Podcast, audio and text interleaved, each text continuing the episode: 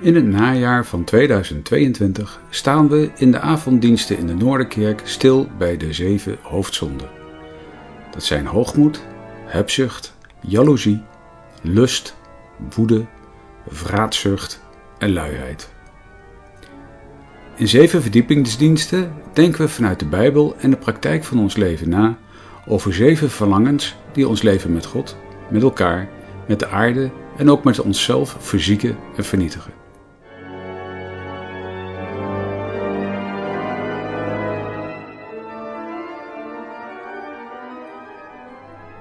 De zesde verdiepingsdienst in deze serie gaat over vraatzucht. Voorganger is dominee Johan Visser. Opgenomen op 13 november 2022 in de Noorderkerk te Amsterdam.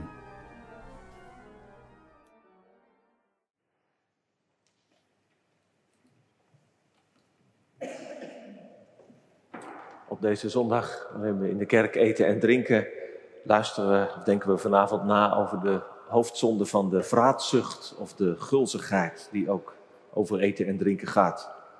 We lezen twee Bijbelgedeelten die daar uh, ons wat richting in kunnen geven. En dat is uit de brief van Paulus aan de christenen in Filippi, Filippenzen 3, vers 17 tot 21. En direct aansluitend de verzoeking van Jezus in de woestijn uit Lucas 4, 1 tot 13. En na die lezing zingen we ook een lied dat daarover gaat. Dat is het lied Jezus diep in de woestijn, lied 539 uit het liedboek. Maar eerst Filippenzen 3, vers 17. Waar Paulus schrijft, wees met elkaar mijn navolgers, broeders en zusters, en houd het oog gericht op hen die zo wandelen, zoals u ons tot een voorbeeld hebt. Want velen, en ik heb dikwijls met u over hen gesproken, en ik zeg het nu ook onder tranen, wandelen als vijanden van het kruis van Christus. Hun einde is het verderf, hun God is de buik, en hun eer is in hun schande. Ze bedenken aardse dingen. Ons burgerschap is echter in de hemel, waaruit wij ook de zaligmaker verwachten, namelijk de Heer Jezus Christus, die ons vernederd lichaam zal veranderen, zodat het gelijkvormig wordt aan zijn verheerlijk lichaam, overeenkomstig de werking, waardoor hij ook alle dingen aan zichzelf kan onderwerpen. Tot zover de eerste lezing. En dan uit het Evangelie van Lucas, hoofdstuk 4, vanaf vers 1.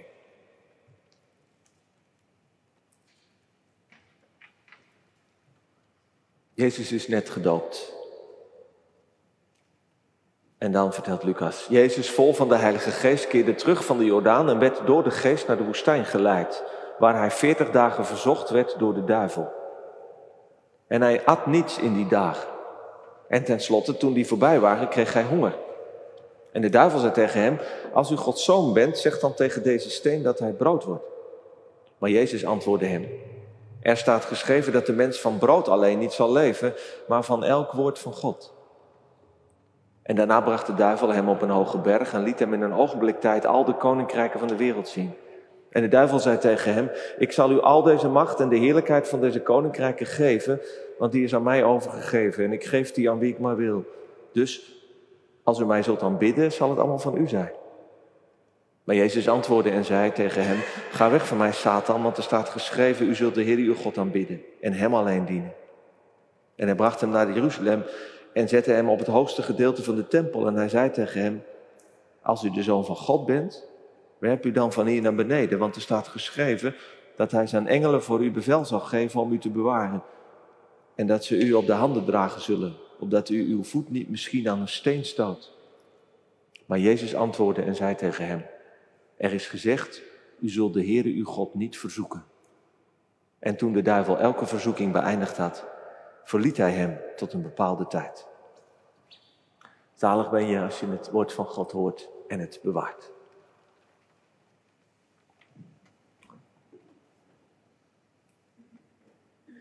Gemeente van Jezus Christus, ja, moeten we vanavond eigenlijk wel zo moeilijk doen? Zo zwaar tillen aan te veel eten en drinken. Gulzigheid of vraatzucht. Natuurlijk, niemand zal dat goed noemen, maar om het nu gelijk ook een zonde te noemen, is het niet eerder iets van een guilty pleasure? Een pleziertje waar je altijd een beetje schuldig over, over voelt. Een vergeeflijke zwakheid van ons vlees. Dat je een zak chips of een zak snoep in één keer leeg eet. Of op het station, waar het aantal treinen afneemt, maar eten en snoep gewoon in overvloed beschikbaar blijven, dat je daar toch bezwijkt voor de verleiding van al dat vette en zoete lekkers. Voor Gregorius de Grote, een van de eerste schrijvers over de zeven hoofdzonden, was de zonde van de vraatzucht nummer één. Dat was de eerste die je serieus moest nemen. Hij schreef, tenzij we de vijand die in ons schuilt bedwingen, namelijk onze vraatzucht, zijn we nog niet eens begonnen met de geestelijke strijd. Dus voor hem is het bedwingen van je verlangen naar eten en drinken, dat is een basis voor verder geestelijk leven. Je zou kunnen zeggen, als je je maag niet in toom kan houden, dan kom je niet eens aan je ziel of je hart toe. Later is vraatzucht is wel een beetje gezakt in de lijst van de zonde. En de hoogmoed is op de eerste plek gekomen. En dat is denk ik niet zo gek, want in de Bijbel wordt er eigenlijk nooit zo moeilijk gedaan over een goede maaltijd of over een feest met een overvloed aan eten en wijn. En misschien is Jezus daar eigenlijk wel het beste voorbeeld van. We lezen dat hij enkele keren gevast heeft, daar kom ik straks nog op, we hebben het gelezen. Maar Jezus was duidelijk geen asceet, zoals zijn voorloper Johannes de Doper. En zoals heel wat van zijn volgelingen na hem werden. Hij werd zo vaak aan maaltijden gezien dat zijn tegenstanders hem zelfs een, een veelvraat en een zuipschuit noemden. Het is wel grappig, de enige keer dat het woord voor, voor wat wij veelvraat noemen uh, in het Nieuwe Testament voorkomt, dan is het op het moment dat de fariseeërs dat, dat over Jezus zeggen. Hij is een, hij is een veelvraat. Maar goed, het, het christendom heeft een hele lange geschiedenis waarin het lichaam en de lichamelijke geneugten als minderwaardig werden gezien en gevaarlijk.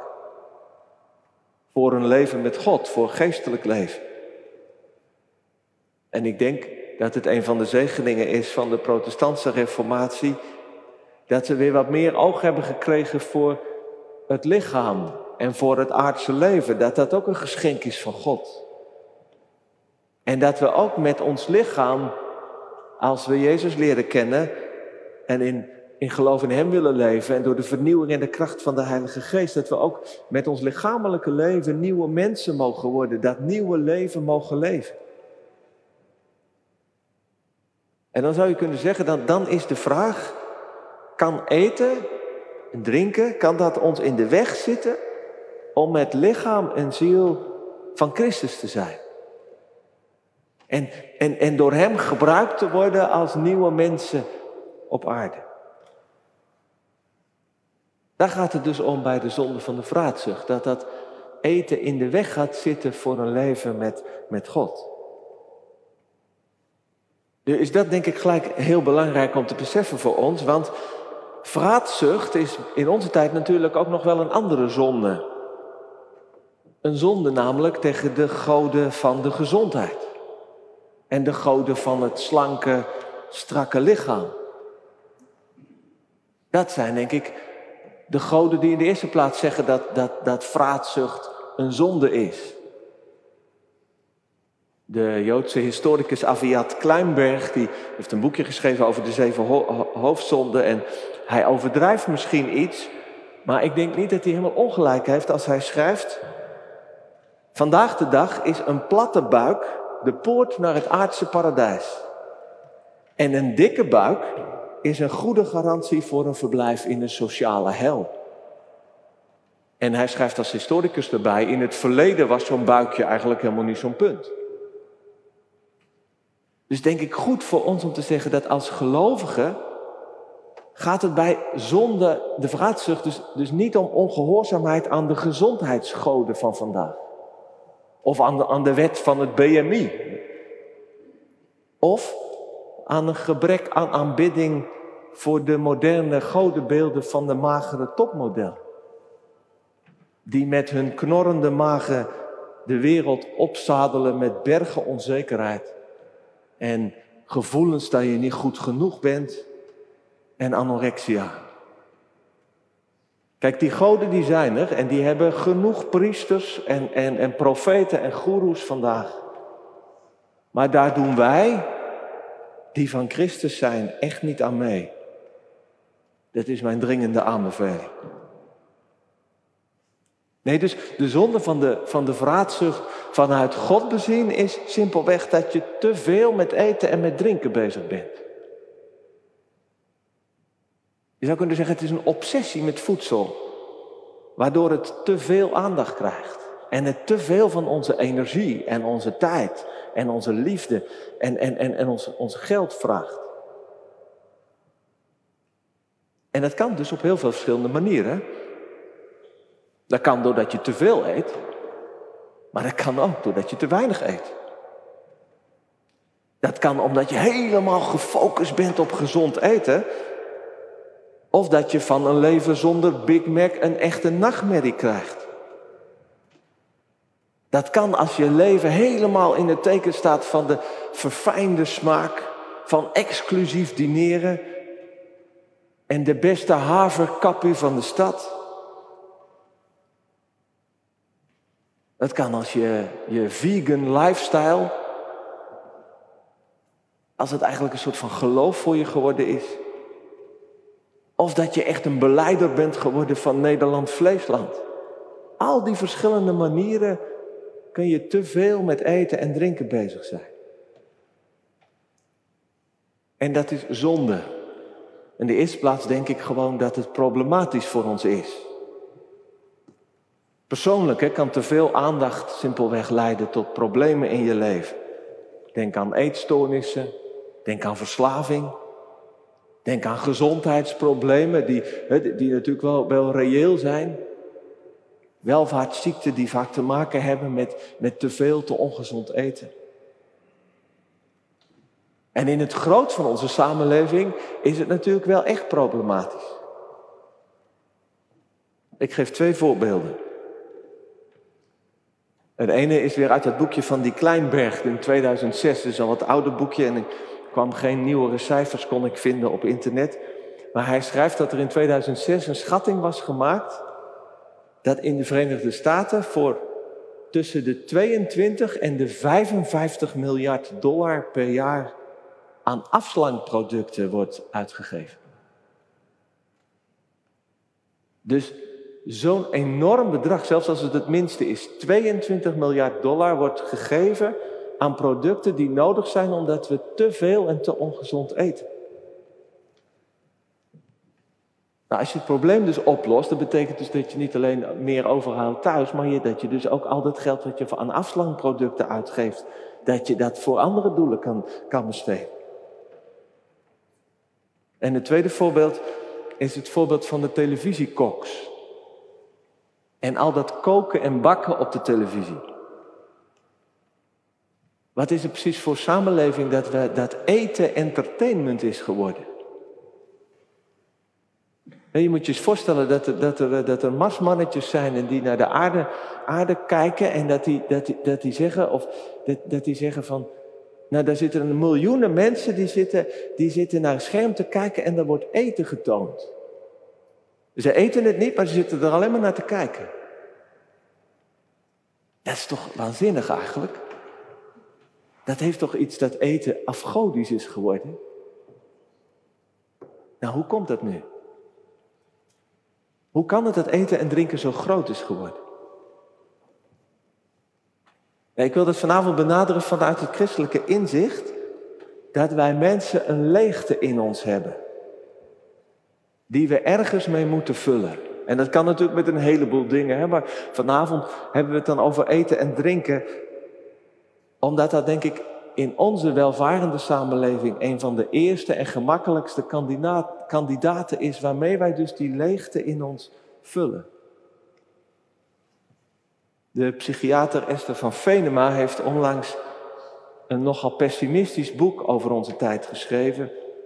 En dat heeft ze gedaan aan de hand van de zeven hoofdzonden, hoewel ze zelf niet gelooft. En ze heeft er nog een achtste toegevoegd, dus wellicht moeten we nog een extra dienst eh, doen. Want die achtste die ze noemt van de hoofdzonde in onze tijd is de leegte. En die leegte is denk ik iets menselijks. Dat we van binnen een, iets van een gat hebben, een gemis, een verlangen. Dat we nooit echt helemaal gevuld krijgen. Dat nooit echt vervuld wordt. En in onze samenleving, zegt Van Venema, is dat gat een soort van gapend gat geworden, omdat we de steun en de vulling die de groep normaal gaf, en de steun en de vulling van iets groters van God ook moeten missen. En dat we dat gat in ons leven eigenlijk alleen nog maar kunnen vullen met individueel geluk. En dat lukt nooit. Vandaar dat de leegte alleen maar groter wordt. Nou, het klinkt misschien wat overdreven, maar ik denk dat het best herkenbaar is. Dat we eten en drinken dus gebruiken om dat gat in ons te vullen. Bijvoorbeeld als troost. Of tegen de verveling. Of de eenzaamheid. Moet zelfs nog denken dat ik ergens in het begin van twintig was en een keer thuis kwam met een stevige klap liefdesverdriet. En dat ik toen dacht, en nu, nu, nu pak ik de fles sport en die moet het, die moet het maar helemaal weg, wegspoelen.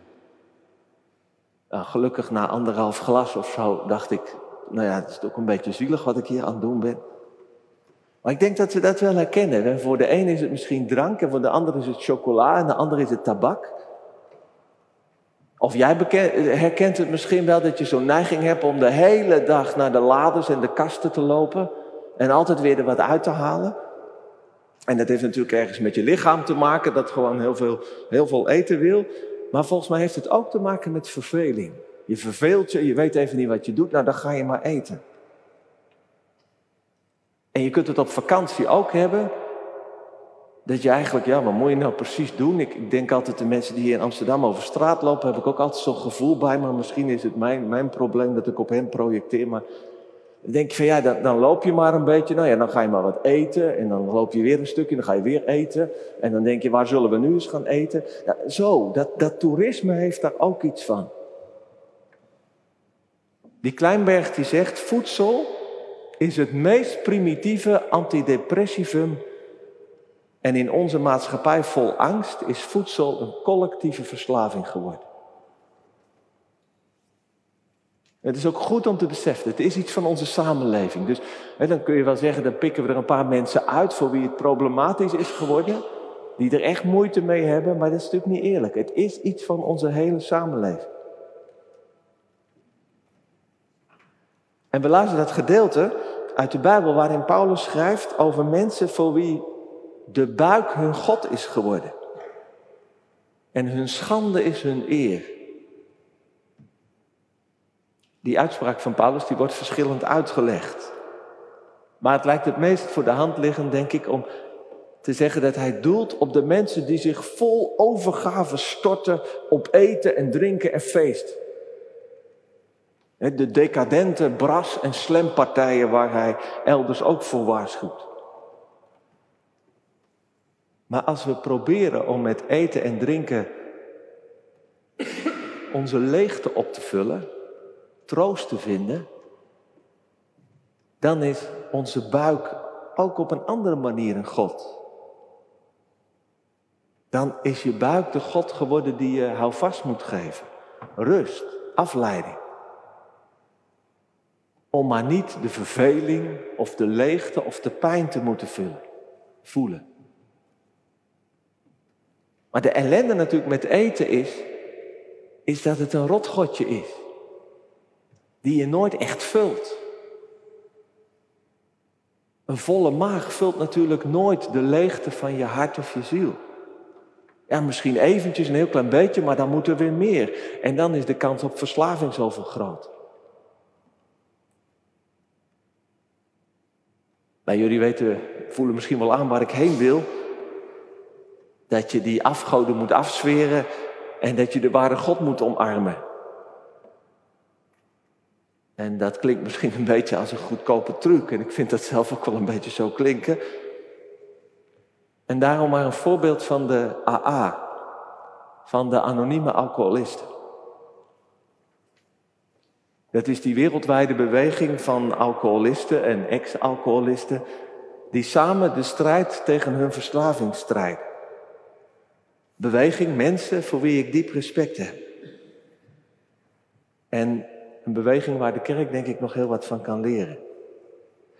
In het twaalf stappenplan van de AA is de tweede stap de erkenning dat er een spirituele kracht groter dan onszelf nodig is om je van je alcoholisme te bevrijden.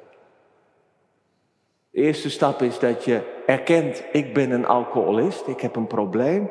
En de tweede is, is dat je erkent, je hebt een kracht groter nodig, want je kan jezelf niet bevrijden. Ja, dat gaat over een kracht hè, die sterker is dan, dan de macht van, van, van verslaving, van, van drank of van, van drugs. Maar uiteindelijk gaat het ook over een liefde die je vult. Je verlangen naar liefde, naar vrede, naar gezien worden, naar mens te mogen zijn, aanraakt. Ik moest weer denken aan, aan een man bij wie ik aan tafel zat en ging het over zijn, over zijn alcoholverslaving. En, en ik vroeg van waarom stop je nu niet? Want je vindt het zelf gewoon echt ellendig en je doet je vrouw zo ongelooflijk veel pijn. Waarom stop je niet?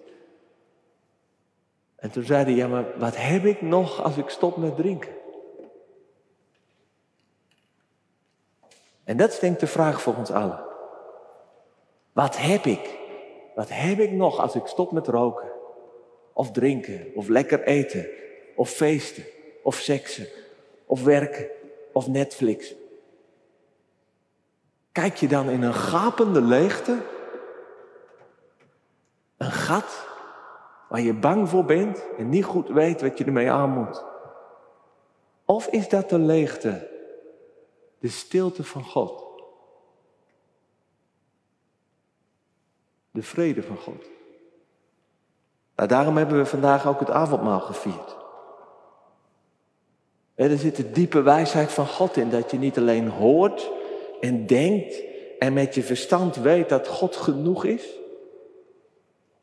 Dat, dat God je leven wil vullen met, met, met zijn liefde die vergeeft en heelt en je draagt in alles en ondanks alles en met alles. Maar dat je het proeft, dat je het eet en drinkt. En we moeten niet denken dat het avondmaal een soort van, van snoepje is. dat je even een, een diep en goed gevoel moet geven. Een geestelijke variant van, van, van drugs, waar je, waardoor je eventjes weg, weg, helemaal weg kan zijn. Nou, misschien soms gebeurt dat en dan mag je er ook van harte van genieten als je zo'n zo'n zo'n ervaring hebt. Maar dat is echt niet het belangrijkste. Je eet en je drinkt het lichaam en het bloed van Christus. Dus God die zich helemaal heeft gegeven en zich nog steeds aan een ieder geeft die hem zoekt en die hem lief heeft. En net zoals het brood en de wijn de gewone weg gaan, je lichaam in. En daar, daar iets van, van kracht geven en, en, en levensvoeding uh, aan, aan je lichaam. Zo gaat ook dat leven van God, die liefde van God, in je, in je gewone leven naar binnen. Je gewone leven met zijn, met zijn hele uh, prachtige dingen, met zijn moeizame dingen. Met de dingen waar je met kracht in staat en de dingen waar je het niet goed weet wat je ermee aan moet. Met de leegte ook, die je soms aan kan vliegen. Ook misschien met je verslaving en al je zoeken. Daar gaat, het bloed en het lichaam van Christus naar binnen om daar kracht en leven en hoop en vernieuwing te geven. En, en om de macht van eten en drinken, om de vraatzucht, de buikgod te breken. Nou, dat, dat, dat wil God dus doen, zeg maar even op een geestelijke manier. Zoals we dat vandaag, vandaag hebben gevierd. Maar dat doet hij ook door ons een heel praktisch hulpmiddel te geven. En we lazen over de verzoeking van Jezus in de woestijn. En de eerste verzoeking is die van het brood. En die lijkt zo onschuldig en, en ik heb nooit helemaal goed begrepen, wat is nou precies de verzoeking daarvan? Je hebt honger en maak dan van een steen een brood. De sleutel zit ergens in de reactie van Jezus. Jezus die weet dat eten en drinken niet alles zijn. Dat je in de eerste plaats leeft van het woord van God. Daarom vast hij in de woestijn en zegt hij dus ook nee tegen de vraag van de duivel om eigenmachtig brood te maken. En ik denk dat zijn voorbeeld ons ook kan helpen om heel concreet dat de vraatzucht, dat eten en drinken te belangrijk zijn in je leven of worden, dat je buik een godje wordt om, om dat zo te bestrijden. Dat ritme van feestvieren en vasten. En ook gewoon weer normaal eten en drinken. Een hele lange tijd was dat in het christendom een hulpmiddel om niet in de greep te raken van voedsel. En tegelijk ook om ruimte te geven aan, aan het genieten van eten en drinken. Maar in een samenleving als de onze, waar het altijd feest moet en kan zijn, en die eigenlijk nauwelijks meer vaste tijden kent, is het denk ik een zegen en een hulp om, om op een ritme te leven. Zo'n ritme dat ons helpt om niet in de greep te raken van eten en drinken. En ook om af te kicken van te veel aandacht voor eten en drinken. Nee, je kunt zeggen van, nou ja, dat, dat is dat, dat vasten, dat, dat ritme van vasten en feestvieren in de christelijke eh, kalender. Je kunt toch ook gewoon uh, meedoen aan, aan de moderne vastentijden, hè, dry January. Dat je in januari geen, geen alcohol drinkt of, of het diëten om de vakantiekilo's eraf te krijgen. Maar dan blijf je natuurlijk eigenlijk alleen maar bezig met, met eten en drinken. En nu alleen minder en, en, en, en om gezonder. Maar vasten in navolging van Jezus, in de christelijke zin, is erop gericht dat je gaat beseffen dat wij mensen niet alleen van brood kunnen leven. En ook niet alleen voor allerlei heerlijk, heerlijk eten en drinken. En dat je zo dus heel bewust ruimte maakt voor je innerlijke leven, voor de ziel, voor gebed, voor de geestelijke strijd die we te strijden hebben. En dat zo de, de leegte van ons leven en dat verlangen van ons naar liefde en naar vrede, dat dat wordt gevuld met Hem, die genoeg is. Met wie je kunt vasten en feest vieren. Met wie je kunt winnen en verliezen. Met wie je kunt leven en sterven. Met Hem die het brood van het eeuwige leven is. Amen.